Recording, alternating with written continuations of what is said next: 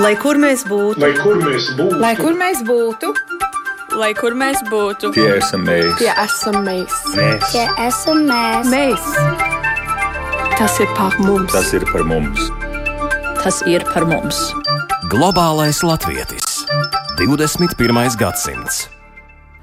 Esiet sveicināti! Radījums Globālais Latvijas 21. gadsimts sāk savu skanējumu, un šīs reizes sarunas laikā viens no visbiežāk lietotajiem vārdiem varētu būt ilgtspējība, ilgtspēja.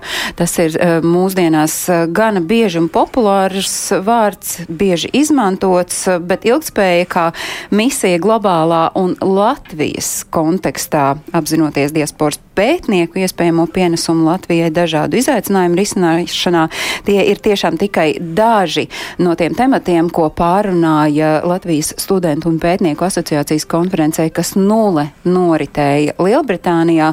Un šodien mūsu raidījumam atvēlētajā laikā mēs tad arī skaidrosim, kā attīstīt sadarbības tiltu starp Latvijas un diasporas pētniekiem, kas joprojām ir aktuāli, lai arī mēs esam par šo mūsu raidījumā runājuši. Un arī, protams, uzzināsim, kā norit gatavošanās piektiem pasaules latviešu zinātnieku kongresam Zinātne Latvijai, kas norisināsies jūnija beigās un uz sarunu par par šo tematu mēs šeit studijā esam aicinājuši Lauru Bužīnsku, kura ir SLV kuratore, zini LV pasākumiem. Uh, izklausās sarežģīti, bet sarunas gaitā es domāju, ka klausītājiem taps skaidrs, kas tas ir un ar ko nodarbojas Laura.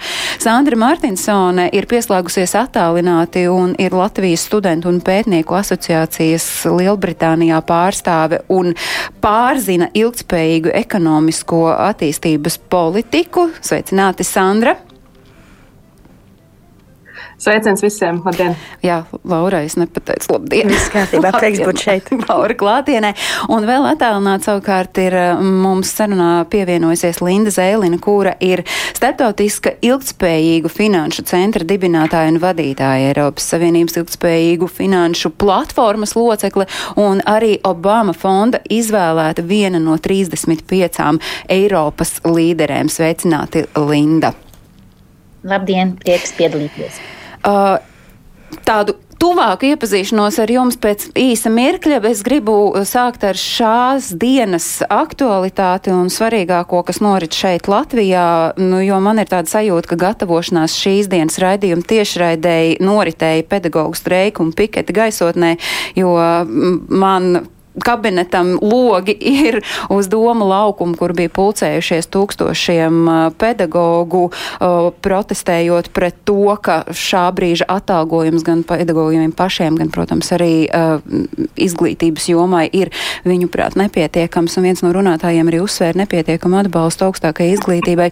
Kā katra no jums raugās uz to, kādā situācijā jūs, piemēram, ar tādu attālināto skatu, Sandra un, un, un Linda, vērtējat, kāda tad ir šobrīd, eh, kādā punktā ir Latvijas augstākā izglītība, augstākā izglītība Latvijā? Sandra, sākam ar eh, jums.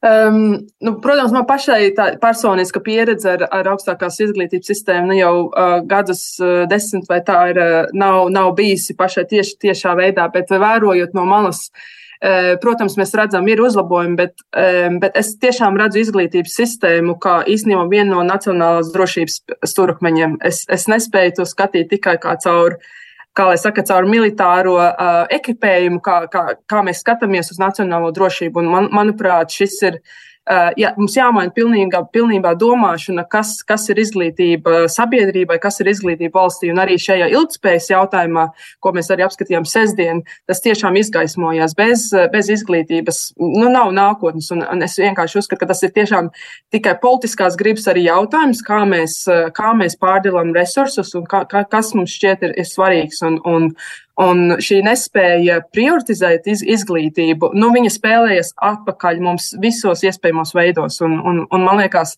nu, brīdis ir atkal, protams, ir brīdis, kā es lasīju um, Siguldas uh, Siguldas vidusskolas vai, vai ģimnāzijas direktors, kurš teica, ka ir vienkārši saprot, ka tikai kliedzot, kāds, kāds sadzird. Un es sapratu, tas tā bija viņa motivācija un, un pamatojums, kāpēc iziet uz streiku, jo citādi vienkārši nedzird. Un tā, man liekas, arī liela, liela, liela problēma, ja tiešām šīs, šis dialogs nav iespējams bez, bez sarunām.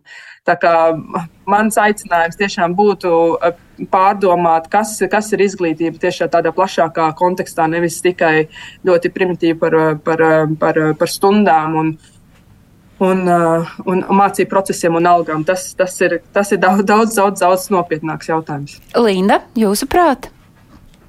Jā, es piekrītu Sandrai. Patiesībā cilvēkiem būtu jāaptver, ka izglītība un medicīna tie ir tie paši pamati valsts labklājībai un arī izaugsmei un konkurences spējai nākotnē.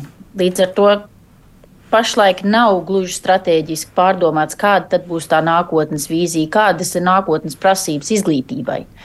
Un tajā ziņā ilgspēja ir viens interesants jēdziens, jo tas eh, patiesībā ir eh, visam pamatā reāli tās prasmes, kas, kas, kādām ir jābūt, zināšanām, kādām ir jābūt, lai varētu efektīvi strādāt nākamos 10, 20 gadus, tomēr mainīsies.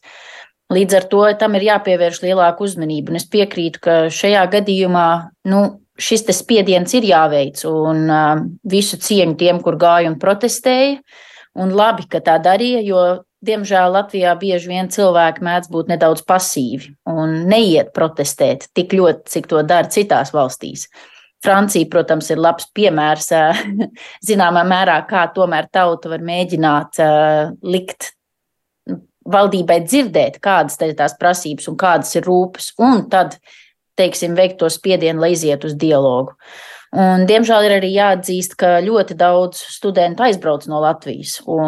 Tad tas jautājums ir, kāpēc viņi aizbrauc. Un daudz, pa, daudz paliktu, ja tā izglītības sistēma būtu daudz labāka un daudz kvalitatīvāka arī ne tikai vidusskolas, bet arī augstskolu līmeņos.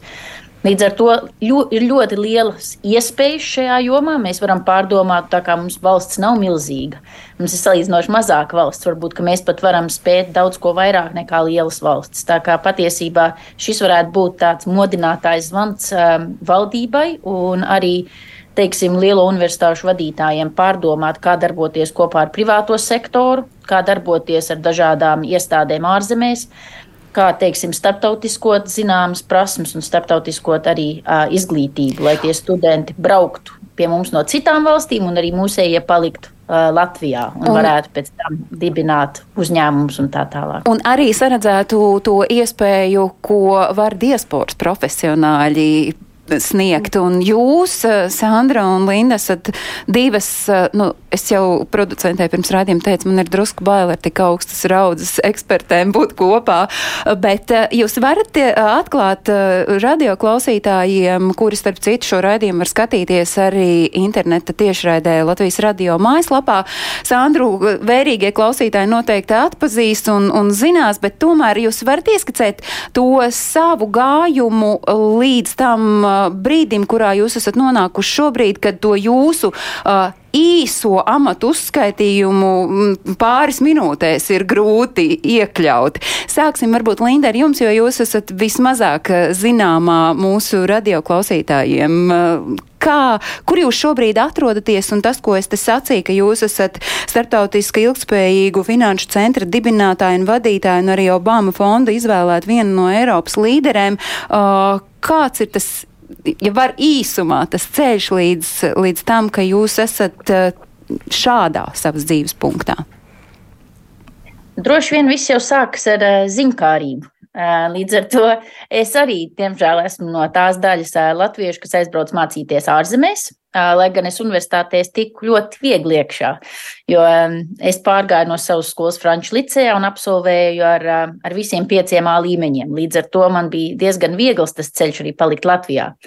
Bet tāpēc, lai izveidotu papildus iemācītos valodas un tā tālāk, es aizsāku karjeru Glāzgovas universitātē, tad es mācījos Magilas universitātē Kanādā, franciski un angliski, un pēc tam Londonas ekonomikas skolā. Un doma vienmēr bija tāda, patiesībā sākotnēji bija doma atgriezties. Bet, nu, tad, diemžēl, dzīve pagriezās citādāk. Un jāsaka tā, ka tajā pašā laikā interese sekot, kas notiek Latvijā un strādāt Latvijā, paliek. Bet, nu, diemžēl tās iespējas, protams, starptautiskā mērogā ir lielākas. Un, un, diemžēl ilgspēja mums vēl kā domāšanas virziens un arī praksa biznesā un finansēs ir salīdzinoši agrīnā stadijā.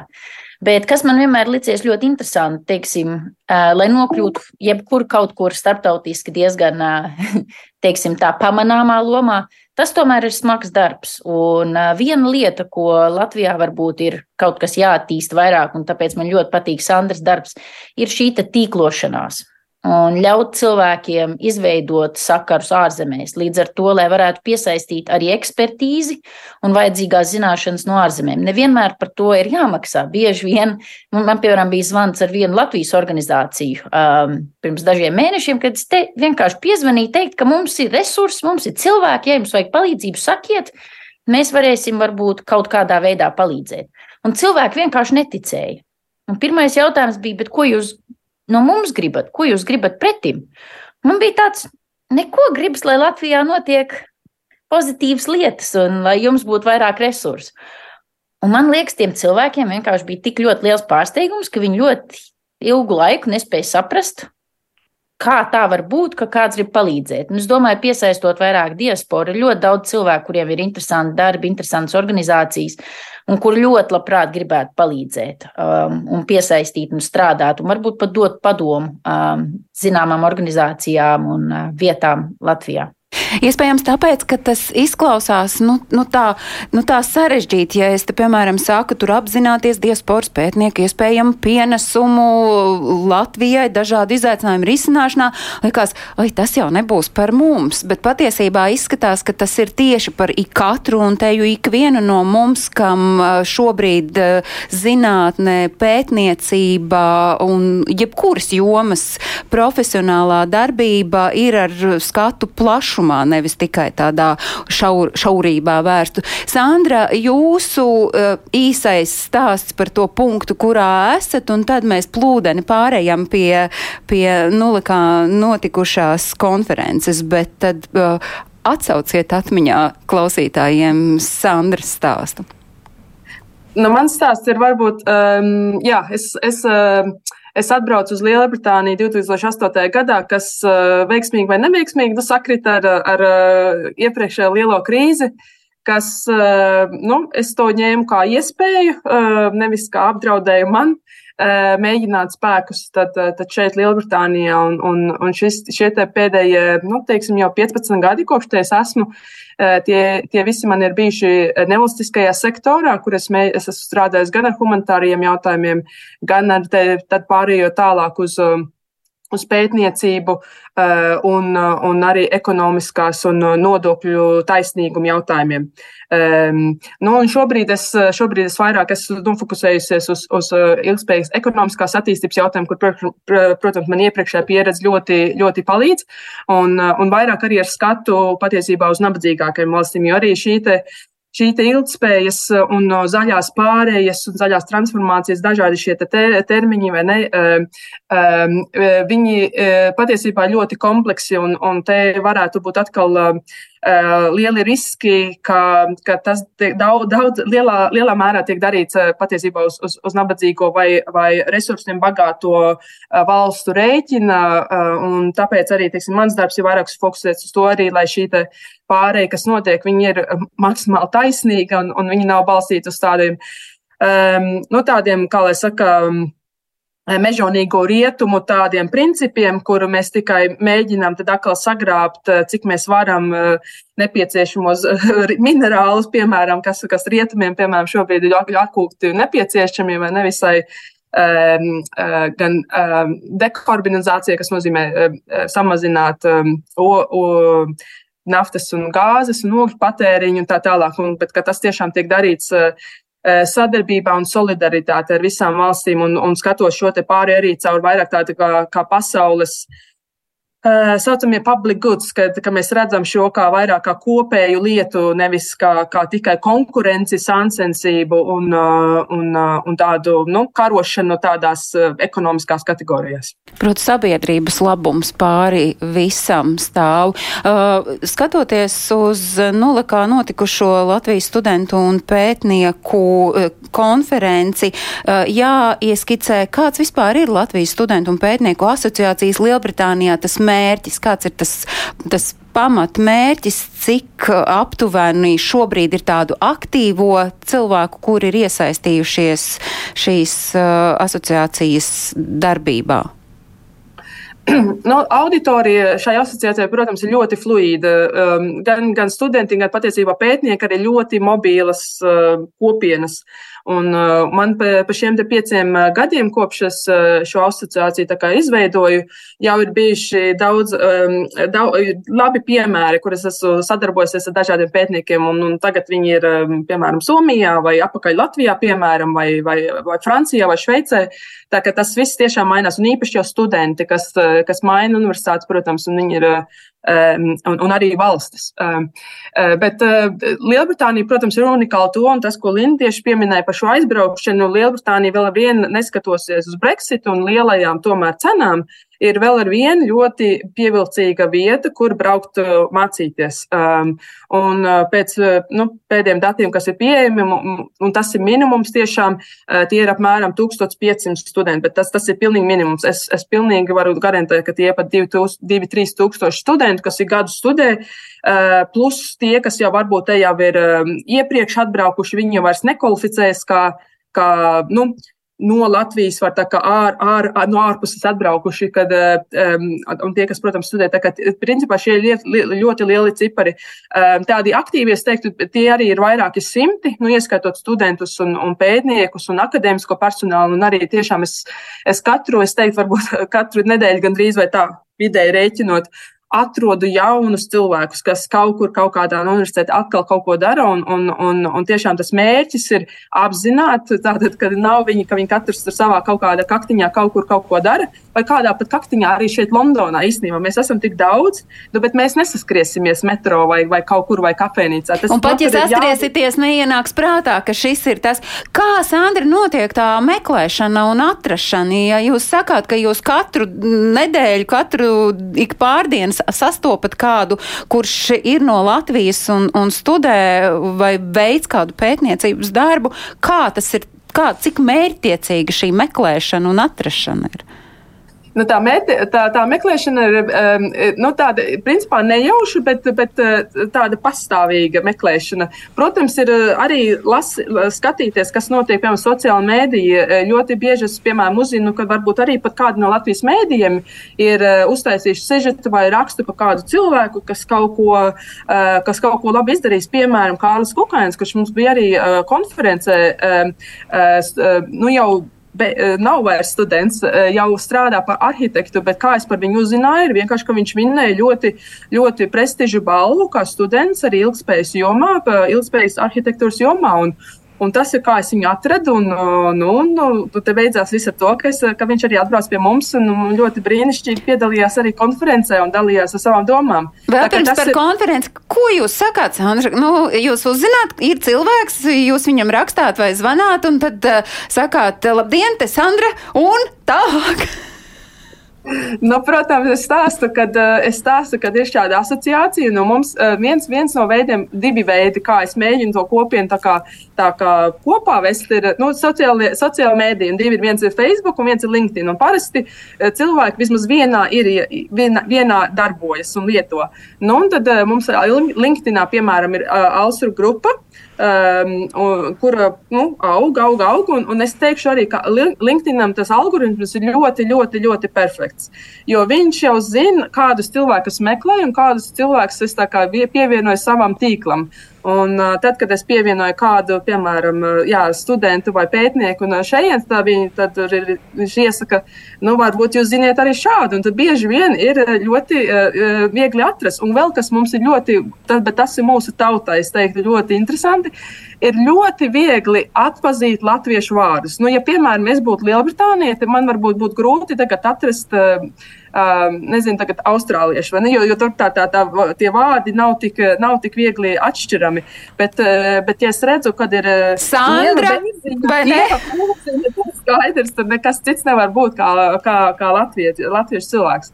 Tā kā ļoti, biedri, bieži, ļoti viegli ir viegli tādā ziņā ir atrast. Un tā ir tiešām reizēm, kad man ir kāds brīvs brīdis, es paskatīšos, paskatīšos LinkedIn. Nu, un tur parasti ir kādu atrod vienkārši. Bet nu, jūs, Sandra, ar Lindu arī šādā veidā satikāties?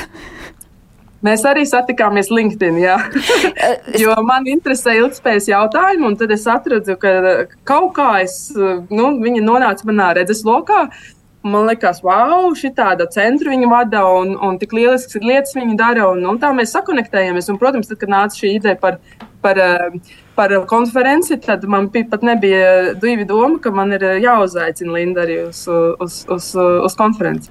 Iesaistīšu Lauru studijā šeit klātesošo šai sarunā, jo uh, konference, kuru nolikā Sandra piesauca, notika nedēļas nogalē. Tas bija sestdien, tas bija Lielbritānijā, un uh, Laura, jūs esat nolikā arī atgriezusies no turienes. Tad uh, izskicējiet uh, konferences norisi un to, kas varbūt jums pašai šķita tā tās galvenās atziņas, ko jūs atvedāt mājup?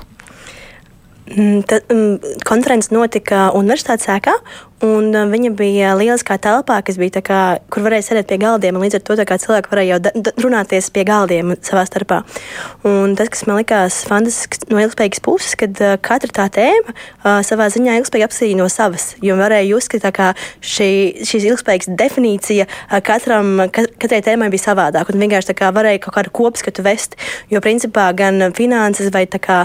Um, arī piemēram, arhitektūras sektors redz savādāk šīs lietas, kā mēs definējam. Jo, teiksim, arī, piemēram, def, man liekas, ka medicīnas nozara definē ilgspējīgu uh, sadarbību savādāk nekā, uh, piemēram, izglītības joma vai zinātnes joma. Tas likās man interesanti. Un, piemēram, viens no kā, lietām, kas man palika par ilgspēju, ko, man, arī, kā, ko Sandra minēja, uh, pārskatā, ka Latvijā kaut kā mēs nedomājam ilgspējīgi, kā 20, 30 gadu nogriezni ir ļoti grūti domāt, jo mēs kaut kā vienmēr koncentrējamies uz pagātni vai kā. Mums arī tas nogrieznis plānošanas ir maksimums politiskais četri gadi, tad mums ir budžets katru gadu, un mums ļoti ilgi, nu, grūti domāt, jo no vienas puses, ja mēs runājam arī par to pašu pedagoģu jautājumu, piemēram, Somijā, tas bija, man liekas, 30 gadu jautājums, kā viņi nomaina izglītības sistēmu, lai varētu nodrošināt labas algas pedagogiem, lai varētu nodrošināt labu izglītību topošajiem pedagogiem un mainīt to sistēmu un kā vispār skatās uz pedagoģiju. Un 30 gadi, ja mēs tikai runājam par gadu nogriezieniem visu laiku, ir ļoti liels un vienkārši tāds izaicinājums arī, kā, kā mēs varam iemācīt mums pašiem domāt un plānot, un arī kā, ļaut uzticēties gan mūsu kā, vadošajiem spēkiem, kā mēs varam nonākt kaut kur, kur mēs gribam 35 gadu, nu, 35 gadu laikā. Konferences nosaukums ir Zinātne un inovācijas ilgspējai ar skatu uz Latviju. Kas, Linda, no jūsu dalības un dzirdētā, saklausītā arī ar to, ko jūs pati dalījāties, kas ir varbūt tie, tās galvenās atziņas, kas ir pēc šīs konferences. Tātad tas, ko Laura ieskicēja, ka mums tā uh, plānošana trīs, četru gadu nogrieznī uz priekšu skatoties ir nepraktiska un nav ilgtspējīgai plānošanai atbilstoša. Kas vēl?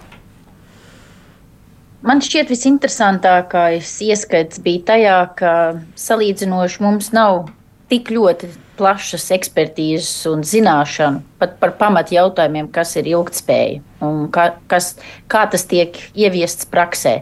Teiksim, tas bija ļoti interesanti klausīties dažne dažādas tematikas. Nu, kādu un, piemēru jūs varat, jo redz, Laura ieskicēja Somijas pedagogu piemēru. Jūs varbūt kādu, lai, lai arī klausītāji to ilgtspēju saprast, jo jūs sacījāt, ilgtspēja ir visam pamatā, un tas, ko tieši tas nozīmē? Teiksim, sākot runāt par Kārli, kurš teiksim, strādā ilgspējā arhitektūrā un dizainā. Tātad līdz ar to, kā rada projektu mājai, ēkai, Tur ir vairāki pamatprincipi, kas tiek balstās uz ilgspēju. Līdz ar to, kā izmanto vairāk dienas gaismas, lai nebūtu jāizmanto mākslīgais apgaismojums, kā var būvēt ēkas, kurās uh, ir labāka siltumizturība un tā tālāk un tā joprojām. Un kā to tad var sasaistīt ar finansējumu un biznesa plānu. Tā Bet kā... kā jau tas liekas tik ļoti likumsakarīgi, nu, ka plānojot uh, savu ēku, vienalga vai tā publiska vai privāta, nu, tie ir tie galvenie pamatprincipi. Tieši tāpēc ar to jūs norādāt, ka tā ilgspēja ir visam pamatu pamatā. Un tad rodas jautājums, kāpēc par to vēl ir atsevišķi jādomā un jārunā? Tāpēc, ka šobrīd tas, diemžēl, tā nenotiek tā it kā visi saprot, ka tas varētu būt loģiski un izdevīgi, bet, diemžēl, mums to profesionāļi, kuri veido projektus un kuri finansē projektus, nu, diemžēl ne visiem ir pilnīgi sapratne, kā izveidot projektu, kas tiešām būs ilgspējai um, piemērots. Reizēm tur ir daudz lielākas zināšanas, saprast, kādus materiālus lietot, kādus nelietot, un tā tālāk, un tā joprojām. Piemēram, ļoti labs piemērs konferences laikā bija kāds uh, pavaicāja, kas ir tie burtiņi E, S un G. Jo mēs, kā jau eksperti, uzreiz sākām runāt un aizmirsām, ka varbūt vajag paskaidrot, šos, kas tas ir. Skaidrs. Jo es, man liekas, vispār pirmo reizi dzirdu šos ESG. nu, lūk, tad, tad bija mums pašiem tāds liels pārsteigums, kā cilvēki nezina. Tā tad E ir šīs ar dabu saistītie indikatori, kas ir tātad um, izmeši, um, ūdens patēriņš, mm, dabisko materiālu patēriņš, teiksim, tik, cik daudz mēs izmantojam uh, dzelzi vai citus dažādus materiālus. S ir sociālie aspekti, tātad cik, piemēram, uh, tas ir parasti tiek pie, pielāgots vai piemērots biznesiem, cik, piemēram, ir. Cik liela ir atšķirība starp vislabāk apmaksāto darbinieku un vissliktāk apmaksāto darbinieku, kādi tiek piedāvāti līgumi, kādas ir sociālās atbalsta un pārējās iespējas šajos līgumos, cik tie līgumi, teiksim, nodrošina labu darbu kvalitāti. Un tad G ir pārvalde nu, teiksim, šeit ir angliskotais jēdziens, latviešu laikam tas būtu DSP, par ko mēs smējāmies, ka tas nedaudz atgādina skā, skaidru plāksnes. Bet uh, P tā ir pārvalde, tas ir uzņēmuma pārvaldīšanas principi. Tātad, vai ir neatkarīga valde, vai ir auditi katru gadu, un tā tālāk, un tā joprojām. Tātad dažādi faktori, kas nosaka, cik ilgspējīgs šis uzņēmums varētu būt. Jo, ja mainās likumdošana un, piemēram, izmešu cenas iet uz augšu vai ūdens cena paceļas, līdz ar to dažādiem biznesiem rodas riska faktori. Varbūt, ka bankām vairs nebūs izdevīgi aizdot naudu, jo nav vairs skaidrs, vai šis biznesa modelis var izdzīvot vēl nākamos divus, trīs gadus. Līdz ar to varbūt finansējums tiks dots, bet tiks pacelta procentu likme.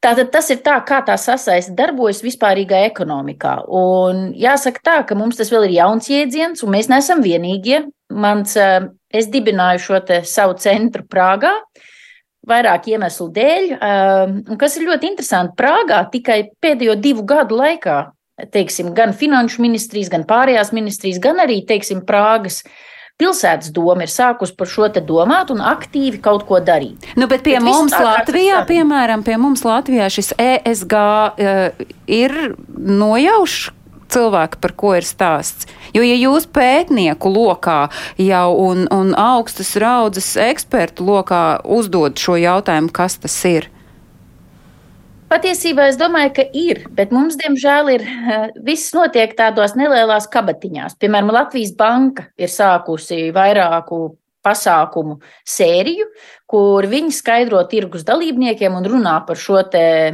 ESG ieviešanu finansēs.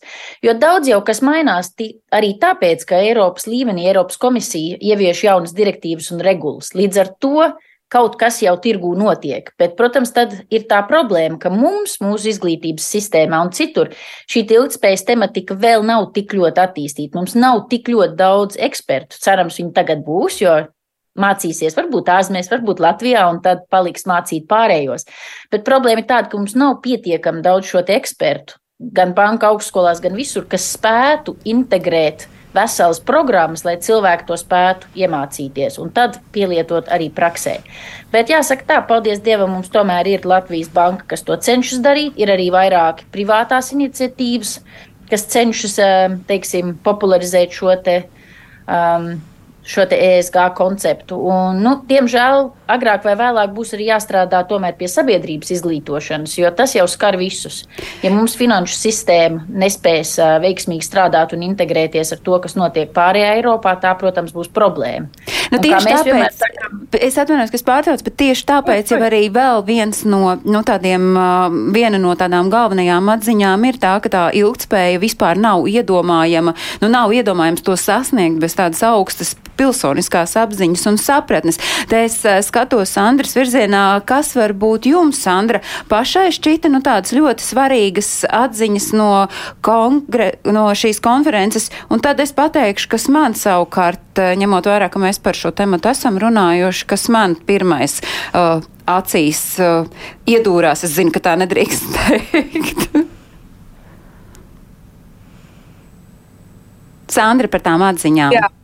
Jā, man, nu, es teiktu tā, ka man tieši, tieši no konferences, man liekas, tā, tā viena, viena galvenā atziņa bija tas, tas ka tiešām šī ilgspēja varbūt nav tik daudz par finansēm vai pat Eh, vai pat um, nu, resursiem, bet tiešām par domāšanas veidu. Jo, jo, piemēram, arī manā darbā mēs runājam ja, par, par finansēm, un finanses tiek visu laiku uzskatīts, ka finanses ir nepietiekamas un vajag vēl, vēl, vēl kaut kā rast kaut kādus veidus.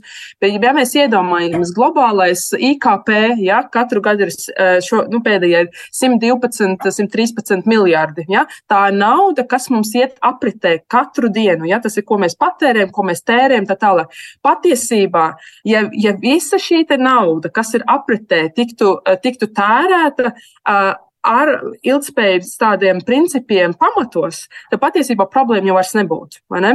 Un, eh, tā kā tā nauda ir tikai tas ir veids, ko mēs ar to naudu darām, kur, kur mēs viņu investējam, kādas lietas mēs ražojam, kā mēs ražojam, priekš kā mēs ražojam, cik tas vispār ir jēgpilni.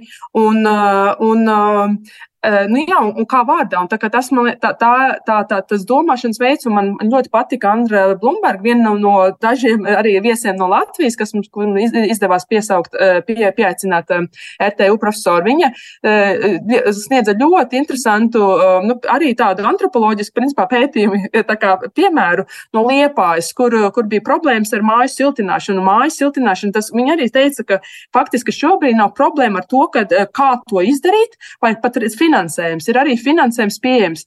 Problēma ir tā, dabūt cilvēkus piekrist mājas siltināšanai. Un kā viņi stāstīja, ka ir šīs divas radikālās grupas, viena, kas vienmēr būs pār, vien, un viena būs vienmēr, kas būs pret, un tad ir tāda kritika, tāda, tāda liela pelēkā masa pa, pa vidu, kas it kā, kā skatās, nu, kā, kas nu būs. Un, un, un tiešām tas domāšanas veids, kas ir, kas principā ir lielā mērā šķērslis daudz aktīvākai māju siltināšanai, un ka cilvēki nespēja sasaistīt uh, mājas, teiksim, siltuma rēķinu, ja, ar to, ko mēs, ko mēs darām, vai, vai kā, cik mēs ļoti vispār tērējam enerģiju, vai mums ir nosiltināti logi, vai, vai, vai var kaut kādas. Redz, tas enerģijas. ir tas stāsts, ka šobrīd liela daļa Latvijas iedzīvotāji vienkārši dzīvo uh, par, ar to sajūtu, ka es skatos uz to, kas man tagad ir maciņā, un tā ilgspēja, nu tas, lai paliek tiem pētniekiem un zinātniekiem, un tāpēc ir šī visas sabiedrības domāšanas maiņa. Tas, kas man savukārt šķita ārkārtīgi svarīgi un aktuāli, ka joprojām tas, ko akcentē šī konference, ka diasporas profesionāļu un pētnieku pieredze un arī zināšanas ir Latvijā neizmantots resurs. To arī Linda jūsu piemērs piemērs par to vienkāršo zvanu pierāda, ka mēs līdz galam nenovērtējam to, kāds var būt diasporas profesionāļu pienesums. Vai jūs redzat, kā to mainīt?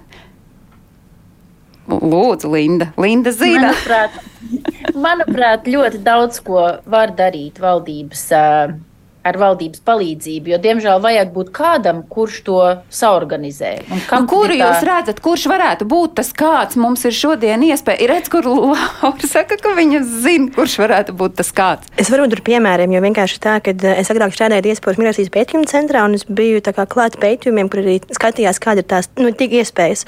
Un viena no vietā, lietām, ko es arī darīju, kad es biju vairāk vidē, uh, kas jau notika pagājušajā gadā, piemēram, jo ir tā, ka viena ir tā tīklošanās veida, kā tikties tikties, kur mēs iepazīstam privātpersonas. Un tur viens arī no konferences dalībniekiem teica, ka tas ir kā randiņā ar vienu saklišu, ar vienu nesaklišu, un tā ir vienkārši dzīve. Un tad vienkārši atskatās tālāk. Bet tajā laikā otrs ir par kā kaut kādām struktūrālākām iespējām sadarboties vai projekti vai kā. Un, piemēram, pagājušajā gadā Latvijas Zinātnes padomu sadarbībā ar dažādām organizācijām organizēja tīklošanos saistībā ar vienu pētījumu programmu valsts FLPP vai fundamentālu lietušu pētījumu programmu. Bija tā, ka viņiem bija online kā, pasākums, kur varēja piedalīties visi, kas, kā, kā saka, pičo savas idejas projektu pieteikumiem, gan no ārzemēm, gan Latvijas, un visi varēja klausīties. Līdz ar to arī kā, varēja prezentēt sevi, savas idejas. Kā, bija uztaisīts tādas tā kā, mazas tā kā, nu, jā, prezentēšanas tā kā, iespējas. Un līdz ar to tur mums bija pieteikušies, ja, piemēram, cilvēki no Austrālijas bija naktī sēdējis un ar prieku stāstījis, teiksim, ka reku es tāds esmu, manas prasmes ir šādas, varu piedāvāt šo, lūdzu, kā, darbojieties. Tā, tas ir jautājums par to, vai kā, ir iespējams kā, noķert šīs iespējas, ka kā, arī projekti projektos zinātnieki var pieslēgties. Nu, tā, un tad ir, protams, jautājums, par ko arī mēs runājām vienā no darba grupām, ka jautājums arī par to, vai kādas ir juridiskās iespējas. Jo dažreiz ir tā, ka augstskolas, kurās mūsu pārstāvji diasporā strādā, nevienmēr var sadarboties, jo viņi negrib, piemēram, kad ir ekstra stundas, kā kāds strādā vai nestrādā, tad tur ir tas jautājums par juridisko, bet tajā laikā ir tas augstskolas, kas ir ļoti atvērts kā, saviem darbiniekiem strādāt kā, papildus vēl, vai kā, ja tas ienes, piemēram, projektu naudu kā, universitātē vai kā savādāk. Tā, tas ir jautājums, kā viens ir par tīklošanos kā, privātā līmenī vai kā, personīgā, un otrs ir jau par sistemātiskiem kā, projektiem. Un tajā ziņā ir jau kaut kādi piemēri, kuri mēģinājuši šo veicināt. Tā, tas nav tā, ka tukšā vietā, jo, kā jau arī Sandra teica, ir vai, nu, jau vairākus gadus notiek vis kaut kādi kā, mēģinājumi un varianti. Un, jāskatās, kas vēl būs nākotnē. Nu, uz nākotni skatoties, šobrīd tas fokus mums ir arī vērsts tam, kā norit gatavošanās piektajam pasaules latviešu zinātnieku kongresam zinātne Latvijai. Tas gan notiks jūnija beigām, be, beigās, bet līdz tam laikam ir vēl dažādi pasākumi, es saprotu, kas ved mūs visus, nu, tos, kurus šī, šī šis kongress interesē? Jā ar Eiropas Latviešu apvienības svētību, kustība vai kopiena SLV līdz jūnijam organizēs dažādus pasākumus, kur mēģinās vest kopā kā, ekspertus, kas ir diasporā un ekspertus, kas ir Latvijā par konkrētām tēmām, lai būtu šī saruna, kas ir aktuāls šobrīd tieši pētniecībā Latvijā un ko dara pētnieki ārzemēs. Un, piemēram, šāds pirmais pasākums būs jau šo ceturtdienu pulkstenis vienos. Mēs runājam par 27. aprīli, jā, jā, jā. tas notiek. Mm -hmm. ja? Un tas jau būs pusdienas vienos stundu garš, tā kad varat paņemt kafijas pauzi pusdienas starplaikā. Tur būs tieši par mākslīgo intelektu, tāpēc, ka tas pēdējos mēnešos ļoti aktuāla tēma. Tur mēs esam sarunājuši divus pētniekus no Latvijas un vienu no Parīzes, kas padalīsies ar to, kas ir aktuāls. Mums būs Edija pārstāvis un Kadiķi, profesors Kadiķis, kas stāstīs par to, kas notiek Latvijā un Edija, pieksim, par mašīnu mācīšanos. Tā būs arī tā piesaistīta viena pētniece, kas tieši pēta juridisko ietvaru, kas ir tas, kādus vispār tos veidus, nu, tāpēc, ka ļoti attīstās šobrīd mākslīgais intelekts, kādus ietvarus vajag, lai tas nedarītu pāri cilvēkiem un lai tas būtu pēc iespējas ētiskāk. Un arī būs tas, kā jau izmantot mākslīgo intelektu, piemēram, mācībās vai studijās un tā. Vēl kādi pasākumi un kā savukārt uh, gatavojas, piemēram, Linda, jūs uh, skatāties uz, uz šo konferenci, uz kongresu un, un, un pēc tam Sandra? Man šķiet, ka kongress ir brīnišķīga iespēja un lieliski ideja, jebkurā gadījumā savest cilvēkus kopā, bet tam ir jābūt regulāri. Līdz ar to man doma vienmēr bija, ka kādai no ministrijām būtu jāveic kaut kāda, jārada kaut kāda platforma. Šobrīd ir tik daudz digitālu rīku tam visam. Piemēram, Slovākiem ir Slovāku globālais tīkls. Un tur pa dažādām sadaļām cilvēki var tīkloties neatkarīgi. Viņi var meklēt projektu partnerus, viņi var meklēt vienkārši cilvēkus no visas pasaules, kas strādā, kas ir no Slovākijas vai Slovāku ar slovāku pasi vai, teiksim, ar slovāku vecākiem, viņi var atrast cilvēkus un tīkloties un veicināt projektus vai, vai pat piesaistīt darba spēku. Tā kā es domāju, kaut kas tāds, kas būtu radīts visiem un arī kas ir ļoti iekļauts, jo, teiksim, cilvēki tad var pieteikties paši. Līdz ar to tas nav tā, ka tas tikai elitārs pasākums un tikai, teiksim, tiem cilvēkiem, ko vai nu mēs paši atrodam, vai tikai tie cilvēki, kas apgrozās augstākās aprindās. Līdz ar to es domāju, ir vairākas iespējas veicināt šo tīklošanos un arī iespējas cilvēkiem, teiksim, iepazīties un vien, vienam otram palīdzēt. Sandra, kādu varbūt nu, tas jau tāds ļoti idealizēts jautājums, bet kāda uh, jūs spējat iedomāties, kāda varētu būt jūsu pašas sajūta pēc kongresa? Nu, kam ir jānotiek, lai, lai pēc tā kongresa jūs teiktu, ka uh, ir spērts solis tālāk uz gan šo tīklošanos, gan uz sadarbību, gan uz to, ka Latvijas puse novērtē uh, diasporas profesionāļus un spēja izmantot tās zināšanas un prasmes?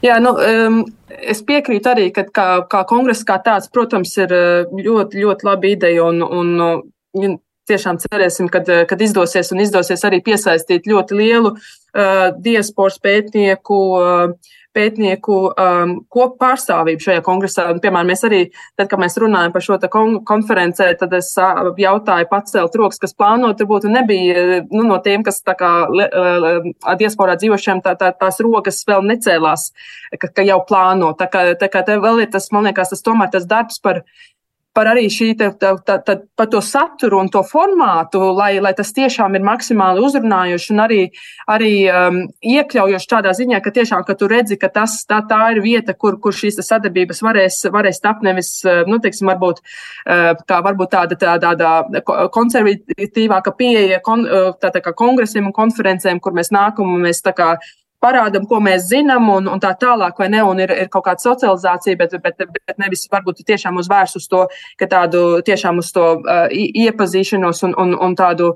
Um, kontaktu veidošana jau tādā konkrētākās jomās, man liekas, ka tie, tie, tas veiksmes iznākums tiešām būtu, kad ir, ir tāda arī tāda tiešām um, īsta tāda atvērtības sajūta no Latvijas puses sadarboties, jo to mēs arī atkal, atkal diemžēl, uh, tas izskanēja arī, arī mūsu uh, konferencē, ka tomēr nevienmēr arī ir tāda, tāda atvērtība arī uz, uz, uzklausīt mūsu, mūsu eks, uh, teiksim, diasporas ekspertu un, un, un pētnieku viedokļus, kad mēs jau esam prom, mēs jau neko nesaprotam vairs, kā Latvijā viss notiek un, un, ko, un ko tad jūs tā.